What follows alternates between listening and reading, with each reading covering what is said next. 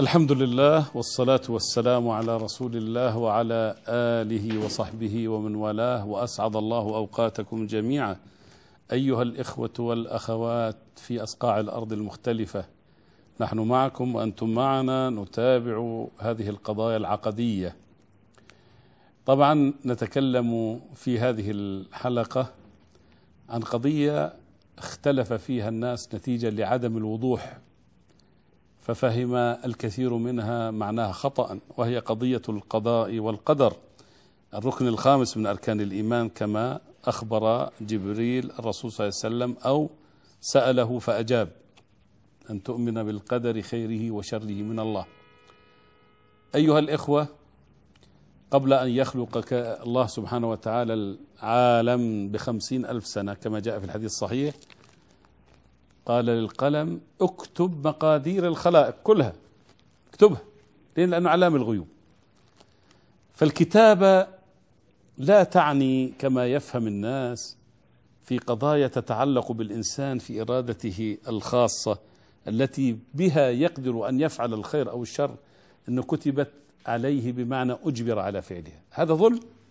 وغير ما مطلوب هذا في الحديث ولا غير مطروح. ولكن الفهم الخاطئ. ويستدلون على ما يقولون بقوله تعالى قل لا يصيبنا إلا ما كتب الله لنا. وهذه الآية دقيقة على فكرة. قال ما كتب الله لنا. كتب لنا ما قالش كتب علينا. كتب لنا تشمل اللي عليك واللي إلك اللي أنت مطلوب تعمله بإرادتك واللي عليك. أما لو قال علينا إجبار. لماذا؟ لأن الإنسان خلق ضمن له ضمن دائرتين. أو ضمن خلق الإنسان ضمن دائرتان بهما يعمل وبهما يجبر. يعني يتصرف بإرادته ويأتي عليه الإلزام. فما عليه من إلزام لا يحاسب عليه. يعني شكلي أنا شكلك. هل أنت تحاسب على ذلك؟ هذا نظام كوني. خلق الله القمر بشكل معين وصفة معينة والقمر لا يحاسب. خلق الشمس خلق الكواكب خلق النجوم خلق ال H2O اللي هو مكونات الماء بنسب معينة. ما في عليها هذه أي شيء. أنا مخلوق مثلها. الدورة الدموية تشتغل العينان تشتغلان رفات القلب دقات القلب تشتغل. لا أحاسب عليه إذا أنا أحاسب على دائرة أخرى وهي دائرة افعل أو لا تفعل اللي بقدر أنا أتحكم به. فلذلك يجب أن لا نخلط وإلا نقع في المحظور. نقع في المحظور ونتهم الله سبحانه وتعالى بأنه يأمرنا بالشيء ويحاسبنا عليه وهذا أكبر ظلم.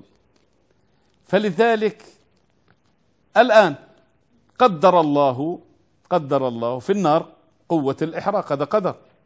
بس النار لا تعلم تعمل حرقا لبريء ولا بتشتغل لطبخة إنسان. يعني تطبخ له ما بتشتغل. إنما الإنسان ممكن أن يستعمل هذا القدر في الحرق في الظلم ويستعمله في الفائدة. إذا هذا قدر. خلق الله في السكين قدر فيها قوة القطع. أه؟ فممكن أن تستعمل في الخير فتقطع بها اللحم أو الخضار أو الفواكه. وممكن أن تطعن بها الآخرين. إذا أنت تحاسب على استعمال القدر وليس على القدر. فأن تؤمن بالقدر خيره وشره ما أنتج خيرا أو شر هو فيه القابلية للخير والشر. لأن ربنا أوجد في هذا ولكن لا يحاسبك إلا على ما تفعل. فإن فعلت هذا استعملت القدر هذا في الخير ففيه بها ونعمت وإلا ستحاسب. الآن إحنا نستعرض آيات وبها نعرف كيف القدر وفهم الناس الخاطئ. طبعا القضاء القضاء غير القدر. القضاء أن الله بعد أن يأمرك فلا تفعل يقضي عليك أمرا من الأمور. فيه حكمة. قد ينتج من القضاء شر أو قد ينتج خير إلك بالنسبة إلك ولكن له حكمة. طبعا سنستعرض هذا القضاء بقصة موسى والعبد الصالح. ولكن الآن نتكلم عن التقدير. الله سبحانه وتعالى ماذا يقول؟ أعوذ بالله من الشيطان الرجيم. إن كل شيء خلقناه بقدر. نظام يعني قدر بشيء موزون مقدر دقيق حتى لا يحصل في الكون أخطاء. بالفعل. إحنا شو بندرس؟ العلماء شو بدرسوا؟ علم الفيزياء. علم قائم بذاته بالدرس هنا وبأمريكا وفي روسيا وفي كل مكان. هو هو. نظام موحد. موجود في الكائنات. علم الكيمياء. نظام قدر فيه هذه الكائنات. علم الأحياء. علم الفلك. علوم دقيقة. ها؟ مقدرة. فمخلوقة مش عشوائيا. لو كان يا إخواني ما فيش خالق بتصير عشوائية الشغل. العشوائية شو معناته؟ فيش حدا بنظم. ها؟ فوضى. بس لما تشوفها دقيقة وهي كما قلنا الحيوانات والجمادات والمخلوقات غير الإنسان. هذه فيها دقة. وهي لا تقدر على تنظيم نفسها. ليه؟ لأنه غير العاقل لا ينظم نفسه. معروف عند البشرية عند الملحد والمؤمن. مش ممكن ينظم نفسه. زي كما قلنا مثل هذه الطاولة. مش ممكن تأتي بهذا الشكل إلا إذا في من أوجدها ونظمها بهذا الشكل والبناية و... طيب نفس الشيء الكون منظم. علم فيزياء دقيق. كيمياء دقيق. أحياء دقيق. فلك دقيق. إذا في تقدير. إن كل شيء خلقناه بقدر. مثلا أعوذ بالله من الشيطان الرجيم والشمس والقمر بحسبان. ذلك تقدير العزيز العليم. وكل شيء عنده بمقدار وكل شيء عنده بمقدار. نفس الشيء. وخلق كل شيء فقدره تقديرا. برضو هذا قدر. بعدين نجي لقضية القضاء. القضاء أحكام تجري على الكون سواء الكائنات أو على الإنسان مجبرا غير مخير. مثلا واحد سيارته ممتازة وما في عليها أي شغلات ممكن تخوف ولكن فجأة فلت وانت ماشي ال brake منه. ما في brake. فيش كابح للسرعة. طب شو صار حادث. هذا أيضا لا تحاسب عليه. هذا اللي الناس بتتداول ويقول لك والله قضاء وقدر بمعنى غصب عنه. هذا لو قالها ما بئثم. لأنه طيارة في الجو صانعها المهندسون ثم فجأة تعطل محركات تعطل وقعت. أيضا لا يحاسب. قضاء حصل. أنت بتطلق النار على طير فجأة إلا إنسان ورا إجا انصاب أنت مش قاصد. أراد الله ذلك. فيها حكم. هذه التي قال الرسول صلى الله عليه وسلم عنها لا تقل لو كان كذا لكان كذا فإن لو تفتح عمل الشيطان. ولكن قل قدر الله وما شاء فعل ما شاء هذا القضاء. قدر تقديراته في أن هذه الأشياء تؤدي إلى هذه الأشياء ولكن فعل حكم.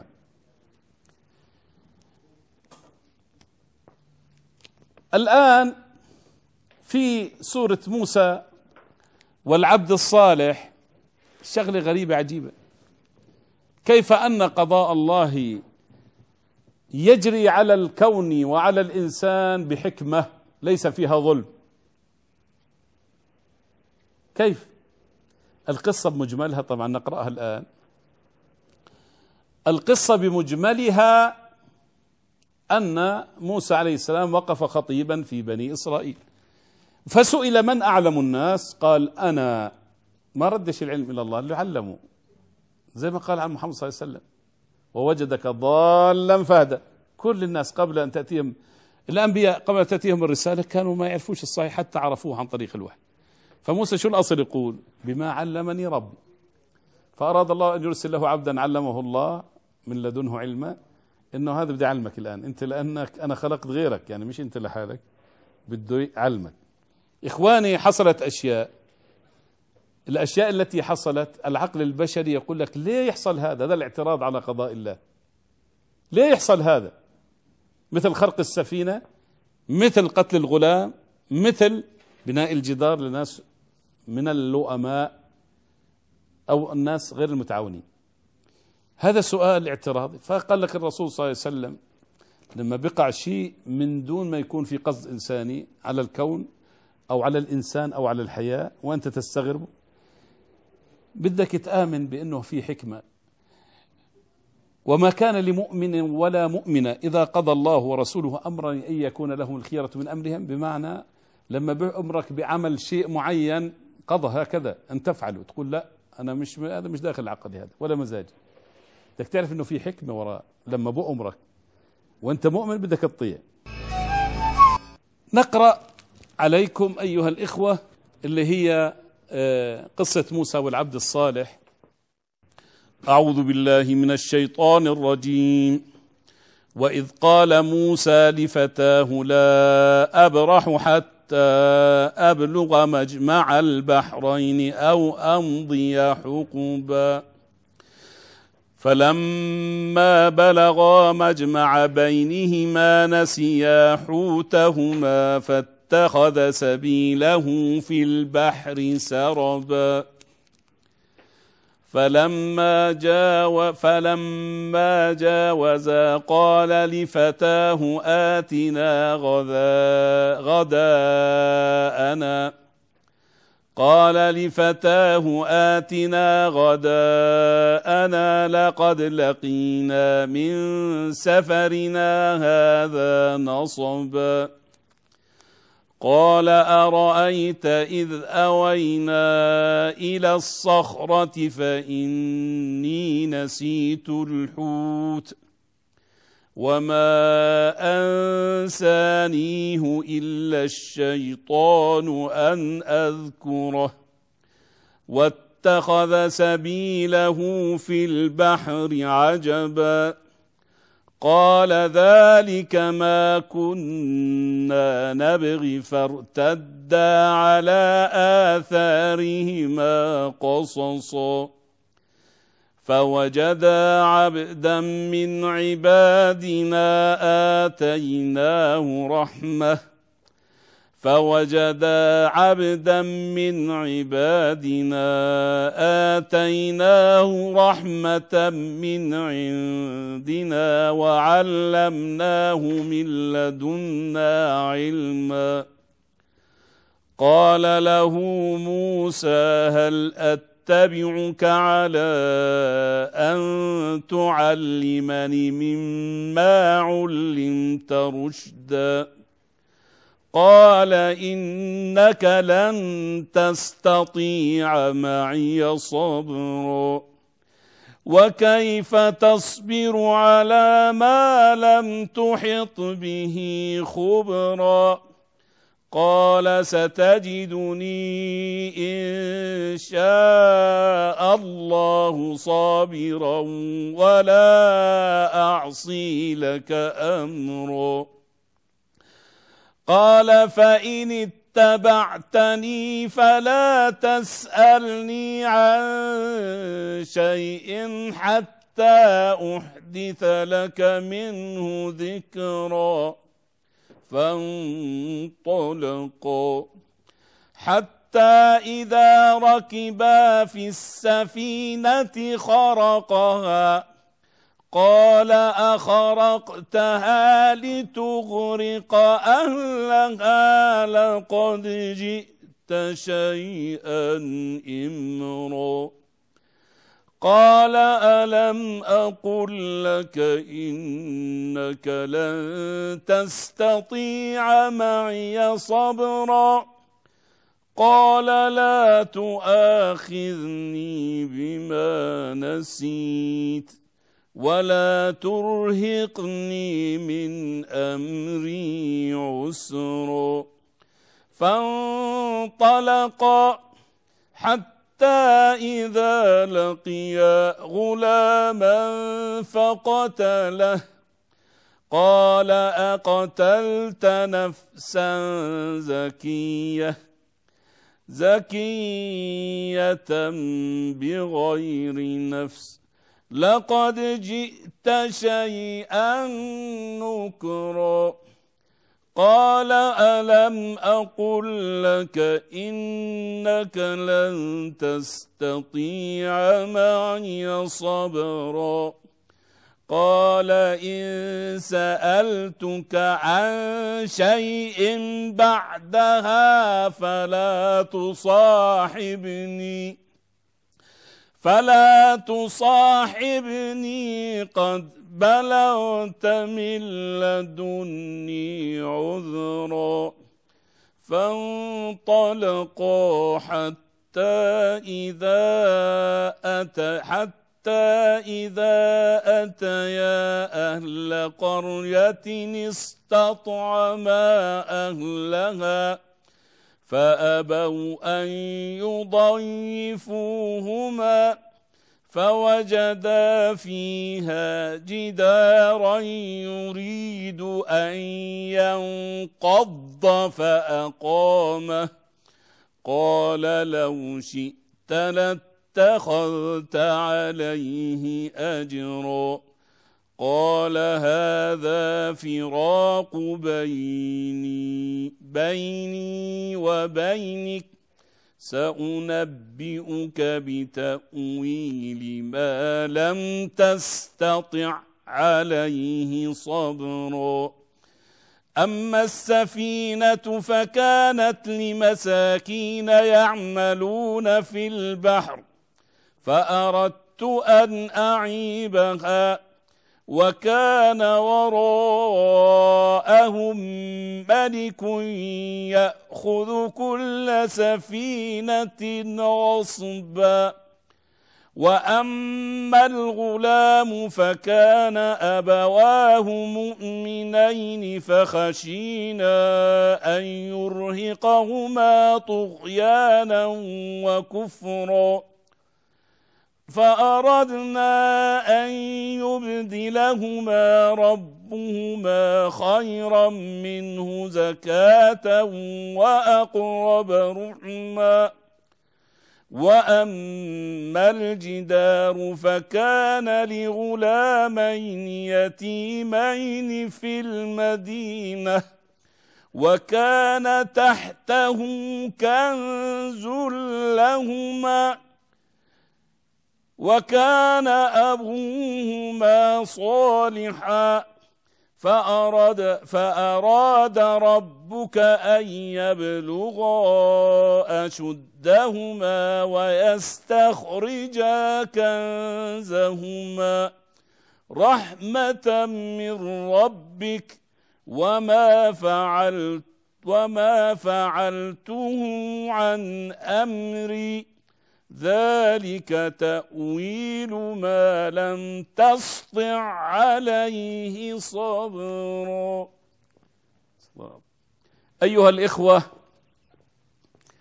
أيها المشاهدون في كل مكان حكمة ربانية فيما يقضي الله سبحانه وتعالى على البشر. ممكن يحصل أن واحدة ربت أيتام. فلما كبر الأيتام أخذهم الله بحادث. أو ربت يتيما ولم تتزوج من أجله.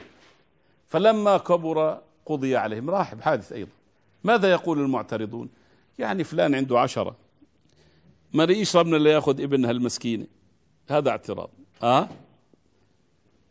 يعترضون على قضاء الله في الكون. ولكنه فيه الحكم. شو قلنا؟ لا تقل لو كان كذا لكان كذا فإن لو تفتح عمل الشيطان. ولكن قل ما قدر الله وما شاء فعل. الآن قضية موسى والعبد الصالح قال أنت ما علمت شيء. قالوا العبد الصالح أن ربنا مطلع أشياء لم يطلع عليها موسى عليه السلام. فبقول له هل أتبعك على أن تعلمني مما علمت رشدا؟ قال إنك لن تستطيع معي صبرا. لماذا؟ وكيف تصبر على ما لم تحط به خبرة؟ لأنه الآن هذه أشياء لا تعلمها الله يعلمها. مكتوبة إنها في لها حكمة.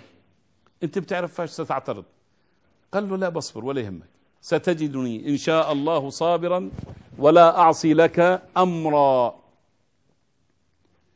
فانطلق. قال فإن اتبعت المشيت معي فلا تسألني عن شيء حتى أحدث لكم منه ذكرى. بعد ما أنا أفسر لك تسألني بعد ما أخلص. أما لا تسأل وأنا بشتغل عمالي قال خلص أنا ماشي كما تريد. ستجدني إن شاء الله صبرا واصلك أمرا فانطلق. أول عمل يعترض عليه البشر كل بشر مش بس سيدنا موسى. اعتراض على قضاء الله. حتى إذا ركب في السفينة خرق. في ناس عمال بسيطين لهم قارب صغير للصيد خذونا على الشاطئ الآخر في مصر طبعا. فأخذوهم دون ثمن. هذاك بعد ما خلص راح خلع لوح بدون يدروا الموجودين. طبعا اللوح بده يعطلهم لأنه كان بده يذهب مباشرة على البحر على البحر الأبيض اللي يظهر في منطقة البحر الأبيض. في واحد كان ملك يغتصب السفن يعني يأخذ كل سفينة يرمي اللي فيها بالبحر ويأخذ السفينة. فبالتالي الآن تعطلت السفينة. تعطلت طيب شو الحكمة الآن؟ اعترض سيدنا موسى. قال له أخرقتها لتغرق أهلها؟ لقد جئت شيئا امرا هذا شيء عجيب. شو اللي عملته؟ أول اعتراض على قضاء الله وحكمته. قال ألم أقل لك إنك لن تستطيع من صبر؟ ما جاوبه مباشرة لأنه قال له بس أخلص قال لا تؤاخذني بما نسيت. نسي. ولا ترهقني من أمر الصلاة. إحنا نعترض إحنا بنعترض على كثير ما يقع أشياء. ليه حصل؟ حتى مرات في الحج بصير تزاحم بروحه في حكمة أنت لا تدري ما هي. الحج اللي هو الحج يعني. لا تدري ماذا حصل. قد يكون بعض الحجاج اللي بيذهبوا يرتكبون من المعاصي والموبقات إنه ربنا عاقبهم مباشرة. قد يكون في حكمة أخرى أنه بده يرحمهم. إذا هي قضية لا تعلمها. لما تشوف إشي حصل غير اللي بتوقعه قل قدر الله وما شاء فعل انتهى لأنه في حكمة. فهنا سفينة تقوم بعمل خير ثم تخرق بحكمة الله. ظاهر هذا العمل ظاهر أنه مضر ولكن حقيقته مفيد. طيب. فانطلقا انطلقوا. طور هم ماشيين حتى إذا لقي غلاما شافوا غلام طفل صغير بيلعب مع الأولاد قطع راسه قتل قال أقتلت نفسا زكية بغير نفس؟ لقد جئت شيئا نكرا كل البشر بيستنكروا هذا العمل اللي عملته. قال ألم أقل لك إنك لن تستطيع معي صبر؟ هذا الكون هكذا يسير. في له حكم. ظاهرها مؤذي. حقيقتها بتختلف. قالوا ألم أقل لك إنك لن تستطيع معي صبرا؟ قال إن سألتك عن شيء بعدها فلا تصاحبني. قد بلغت من الدنيا تردني المرة الثالثة. أو خلص ما تمشيش معي. فانطلقا. حتى إذا أتيا أهل قرية استطعم أهلها. خشوا على القرية. يا عمي والله جيعانين إحنا. أعطونا. انصرف. طردوه. طب أعطونا نشرب. طردوه. هم ماشيين في جدار يريد أن ينقض يقع. شمر عن إيديه سيدنا موسى وبلش إيش اللي هو العبد الصالح. قال الخضر والله أعلم. بلش يبني الجدار بدون أجر. قال له يا رجل يعني أنت شايفهم ناس ألأم من هيك؟ ما فيش. أخلاقهم سيئة وبتبني لهم جدار. خذ عليه أجر. لو شئت لاتخذت عليه أجرا. قال له هذا فراق بيني وبينك انتهينا. خلاص الآن ما بتمشي معي لأنك لا يمكن إلا يصير معك هكذا وهكذا نحن. سأنبئك بتأويل ما لم تستطع عليه صبرا. طيب الحكمة الأولى. الحكمة الأولى أنه هذا أصحاب السفينة طيبين إذا بيستاهلوا الخير. طيب شو العمل؟ الآن في في البحر ملك بياخذ السفن. لو تركت كما هي صالحة بدهم يذهب مباشرة بس لما تتعطل راح عليهم الوقت وروح الملك. إذا حماهم. حماهم. ولذلك شوف أنت قضية محيرة. حكمة القضاء كيف؟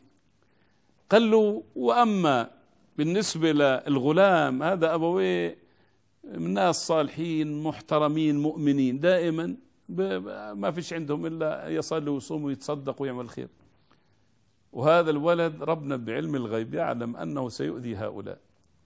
فبده يريحهم. وبريحه ترى لما أخذه صغير لا يحاسب. بس لو كبر ربنا عرف أنه بده يأذي فزاحوا عنهم. ليش؟ كانوا صالحين إنهم بدعوا للخير فربنا بده يجازيهم بالخير. اذا هم حزنوا على فراق الولد ولكن حقيقة زي ما قلنا الأرملة بصار شو بده يعمل للولد هذا اللي راح لها؟ بده ينكد عليها حياتها فربنا سحبوا منها يعني لخير إلها. أما الجدار شفت قلقان من هيك في حدا؟ قال له بتعرفش إنه شو في تحت هذا السر تحت هذا الجدار؟ الجدار هذا تحته كنز. أما الجدار فكان لغلامين يتيمين في المدينة وكان أبوهما صالحا. يقال الجد السابع. كان يدعي لذريته إجت في هدول.